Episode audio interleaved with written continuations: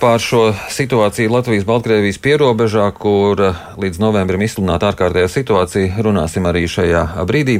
Un šī ārkārtējā situācija paredz, ka Nacionālajiem bruņotajiem spēkiem jāsniedz palīdzību robežsardzei, uh, robežu uzraudzības nodrošināšanā, lai nepieļautu robežas nelikumīgu šķērsošanu. Un par to Izvaicās ir Nacionāla bruņoto spēku komandieris Leonīda Kalniņa. Labrīt! Labrīt! Jūs pats esat bijis uz robežas. Tieši tā, vairākas reizes. Kāda tur situācija pēc jūsu novērojuma? Nu, robeža ir, kā saka, mazliet nevisai aprīkota. Protams, tur ir redzamas tās vietas, pa kurien jāvirzās patruļām, un ir noteikti šīs takas. Tās ir iezīmētas gan dabā, gan kartē, un, un tās tiek izmantotas, lai nodrošinātu robežu kontroli. -hmm. Kā bruņoties spēki tad var palīdzēt robežsardzē? Mēs jau esam uzsākuši šo palīdzību daudz ātrāk nekā sākās šī nelegālo robežu čērsotāju kustība. Ļoti aktīva šai nedēļā tika pēc robežsardzes priekšnieka pieprasījuma iedalīts personāls pārsvarā. Tur piedalās zemesardzes vienības no 3. Latgales brigādes. Un mēs arī, protams, jau sākām izvietot savus tehnoloģiskās iekārtas eh, jau šonadēļ eh, atkarībā no šīs situācijas eskalācijas, un esam pilnīgā gatavībā nodrošināt šo atbalstu. Pat pirms tam, kā tika pieņemts vakar ministra kabineta lēmums par atbalstu. Kādas tehnoloģiskās iekārtas? Tehnoloģiskās iekārtas tās ir vairāk saistītas ar novērošanu, ar nu, tādām teiksim, izlūkošanas funkcijām, kas ir palīdz daudz aktīvāk un ātrāk atklāt jebkuru pārvietošanos tieši robežu. Un tas jau tur notiek. Tieši tā. Un, un, un tām varbūt pateicoties, tā tie bēgļi arī notverti ir. Es eh, nedomāju, ka šīs eh, raidījumā mēs gribētu atklāt tik detalizēt šīs informāciju, jo tā tomēr ir iekšējā informācija. Un eh, mēs ļoti sadarbojamies aktīvi ar robežsardzi, un tā nav, nav neviena tāda iemesla, kad mums nebūtu informācijas apmaiņa reālā laikā un tieši. Bet tas, ka tā ir izsludināta ārkārtējā situācija, vai tas arī nozīmē to, ka robežsardze nonāk jūsu pakļautībā? Nebūt nē, robežsardze var nonākt mūsu pakļautībā tikai viena iemesla dēļ, tad, kad uh, valstī ir izsludināts kara stāvoklis. Ārkārtējā situācijā. Ārkārtējā situācijā vai citās situācijās robežsardze joprojām paliek iekšlietu ministrijas pakļautībā. Uh, Ko tad armija uh, tagad drīkstēs darīt, kad ir izsludināta šī ārkārtējā situācija? Ministrs kabineta noteikumi, kas tika vakar pieņemti ļoti stingri un, vien, ir, eh, un skaidri pateicis, ka uh, bruņotajiem spēkiem ir jānodrošina vieta un infrastruktūra, lai izvietotu šos uh, nelegāli pārvietojošos personas pāri robežai. Un tas ir mūsu galvenais uzdevums atbilstoši šī ministra kabineta noteikumiem. Bet uh, tur arī cits pāns, kurš īstenībā ir bez šī ministra kabineta lēmuma, tiek izpildīts. Un, kā jau teicu, mēs tur nodrošinām diezgan nozīmīgu personāla skaitu, lai palīdzētu robežsargiem daudz intensīvāk kontrolēt robežu. Tur uh, robežsargiem blakus atrodas zemesargs, bruņots ar ieročiem, un šī kontrolējošā intensitāte ir daudz lielākā mērā pieaugusi. Jūs nodrošināsiet teltis? Kaut Mēs sākumā mēģināsim atrast uh, cieto infrastruktūru, piemēram, tās telpas, kuras ir atstājuši piemēram slēgtās uh, iestādes vai skolas. Uh, un, un tad tikai tādā gadījumā, ja nebūs ne, iespējams atrast šādu cieto infrastruktūru, tad mēs domāsim par telšu būvniecību un tā tālāk. Kāpēc mēs to tā darām? Tāpēc, ka nu, jau esošās ēkās ir daudz vienkāršāk un lētāk nodrošināt infrastruktūru, kas ir nepieciešama lai cilvēks atrastos cilvēciskos apstākļos. Tātad higiēna būtu nodrošināta, ūdens, apsilde un arī daudz eh, vienkāršāk uzturēt šādu infrastruktūru. Jebkuru telšu būvniecību un, un tāda tas prasīs daudz lielākus finansiālos līdzekļus un cilvēku resursus. Jūs saprotat, telts ir jāapsilda, ir jābūt attiecīgām eh, toaletēm, mazgāšanas vietām un arī, principā, jābūvē jauna infrastruktūra. Tātad nožogojums un arī, arī zināmā mērā apkalpojušais personāls, kas visu laiku tur vajadzēs atrasties. Eh, līdz ar šīs ārkārtējās situācijas izsludināšanu, līdz ar šīm ziņām, ka armija iet palīgā robežsargiem, daudziem jautājums vai armija varēs šaut pa tiem bēgļiem, kas ir pāri? Ministrs kabineta noteikumos nekas tam līdzīgs nav rakstīts, un tādas tiesības nav dotas mums. Vienīgais, kuriem ir atļauts eh, teikt tā latviski grūst atpakaļ šos nelegālos robežu ķersotājus, tā ir tikai robežsardze. Drīkst grūst atpakaļ? Nu, mēs tā viņu varam iztulkot. Jūs paskatieties ministra kabineta vakardienas lēmumā. Ieročus pielietot nedrīkst. Nu, tur nekas tam līdzīgs nav rakstīts.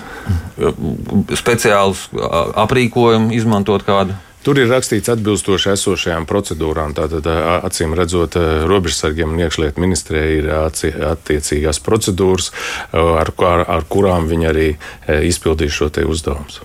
Tātad zemesargs karavīrs stāvēs pie robežas, robežsargs grūdīs atpakaļ. Tā Tie, tā bilde varētu būt. Tieši tā, tur ir arī ministra kabineta noteikumos ir uzdots mums, un tā skaitā arī valsts policijai, nodrošināt, informēt šos nelegālos šķērsotājus, doties atpakaļ uz Baltkrieviju. Tātad verbāli mēs viņus informējam, ka Latvijā viņiem nav ko darīt. Kādā tā, valodā? Nu, mēs varam runāt gan latviešu, gan krieviski, gan arī angliski.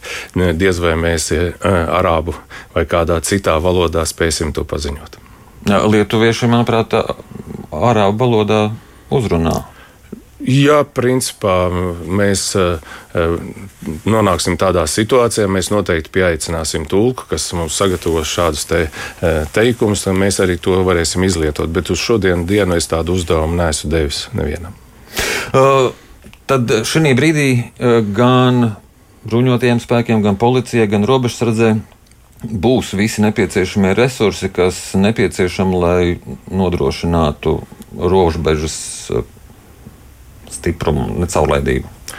Ne kaut kas trūks. Ne tikai būs, bet mums bruņoto spēku rīcībā arī ir. Mēs eh, pietiekamā daudzumā esam, kā saka, mobilizējuši personāla sastāvu, kas ir eh, nepieciešams, lai šos atbalstu uzdevumus veiktu. Mēs jau, principā, jau no pagājušās sestdienas jau aps, apskatāmies, kādi mums ir resursi, lai ne, ne, būtu nepieciešams gadījumā mēs varētu uh, izvietot šo te, infrastruktūru, kas ir vajadzīga.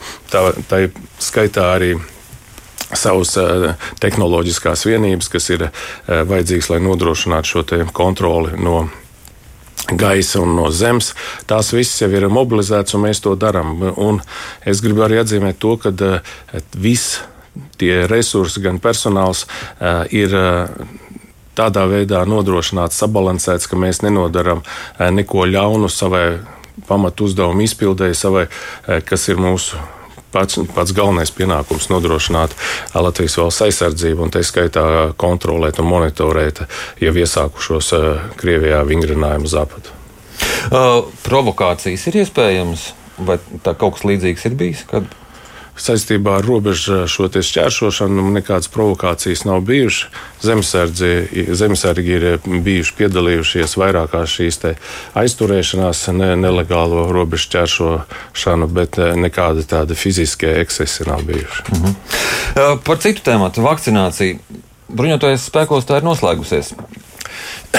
Vakcinācija, nu, mēs esam sasnieguši 97% vakcinēto personāla sastāvu. Tā pateikt, ka galīgi noslēdzies nevar, tāpēc, ka ir starp šiem trim procentiem palikušiem ir personāls, kurš ir izslimojis un atbilstoši mediķu slēdzienam 180 dienas ir tās dienas, kad tiek ārsta pieņemts lēmums, kad viņš var uzsākt savu vakcināciju. Tātad īstenībā tā vēl turpināsies. Mm -hmm. uh, tiem, kas nolēma nevakcinēties, tiem bija jāpamet bruņoties spēki. Tātad starp šiem trim procentiem atlikušiem mums ir 33 uh, karavīri, kuri kategoriski atsakās vakcinēties. Es konsekventi pieturos to, ko es jau pateicis. Līdz 1. augustam viņam bija laiks, un tagad ir iesākta disciplinārā procedūra pret viņiem. Un, protams, šīs procedūras nobeigumā viņi tiks atvaļināti. 33 karavīri. Tieši tā. Citus amatus viņiem nav iespējams piedāvāt. Nē, bruņotos mhm. spēkos var dienēt tikai vakcinēts karavīrs. Uh, tiem, kas ir civilie darbinieki, Civilie darbinieki ir arī diezgan augstu procentu sasnieguši bruņotos spēkos. 82% civilo darbinieku ir vakcinēti, bet uh, gan ne civiliem darbiniekiem, ne zemesargiem tā nav obligāta, tā ir brīvprātīga. Un, uh, nu, mēs arī tādā pašā veidā, kā visā valstī, ir, izsl ir izsludināts, ka tā ir tomēr brīvprātīga, izņemot to, ka tagad, es ceru, rudenī tiks pieņemts šis likums par obligāto vakcināciju atsevišķām sfērās. Nu, mēs arī Jūs Seko. pieļaujat, pieļaujat, ka mēs... civiliem, kas nodarbināti bruņotajos spēkos, arī būs obligāta vakcinācija? Nē, es nepieļauju, ka civiliem būs obligātā vakcinācija, tāpēc, ka nu, tik drastiski pret šiem civiliem nē, jo viņiem ir zināmā mērā ļoti daudz problēmu saistībā ar veselību un, un tā mhm. tālāk. Kas notiek ar zemesardzi? Tur Zem... vakcinācija nav obligāta. Viens zemesargiem arī nav vakcinācija obligāta, bet mēs ļoti strādājam viņiem, motivējam. Zemesargu vakcinācijas eh, līmenis eh, šodien ir sasniedzis 42% eh, visā valstī, bet ir brigādes, kur ir daudz augstāks procents, piemēram, Rīgas brigādē tas ir 63% vakcinēto zemesargu.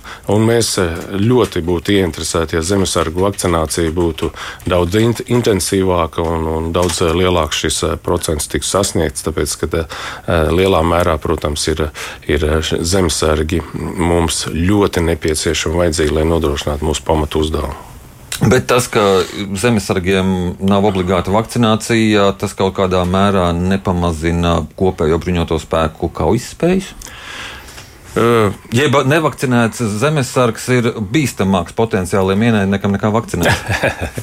Tas, protams, joks.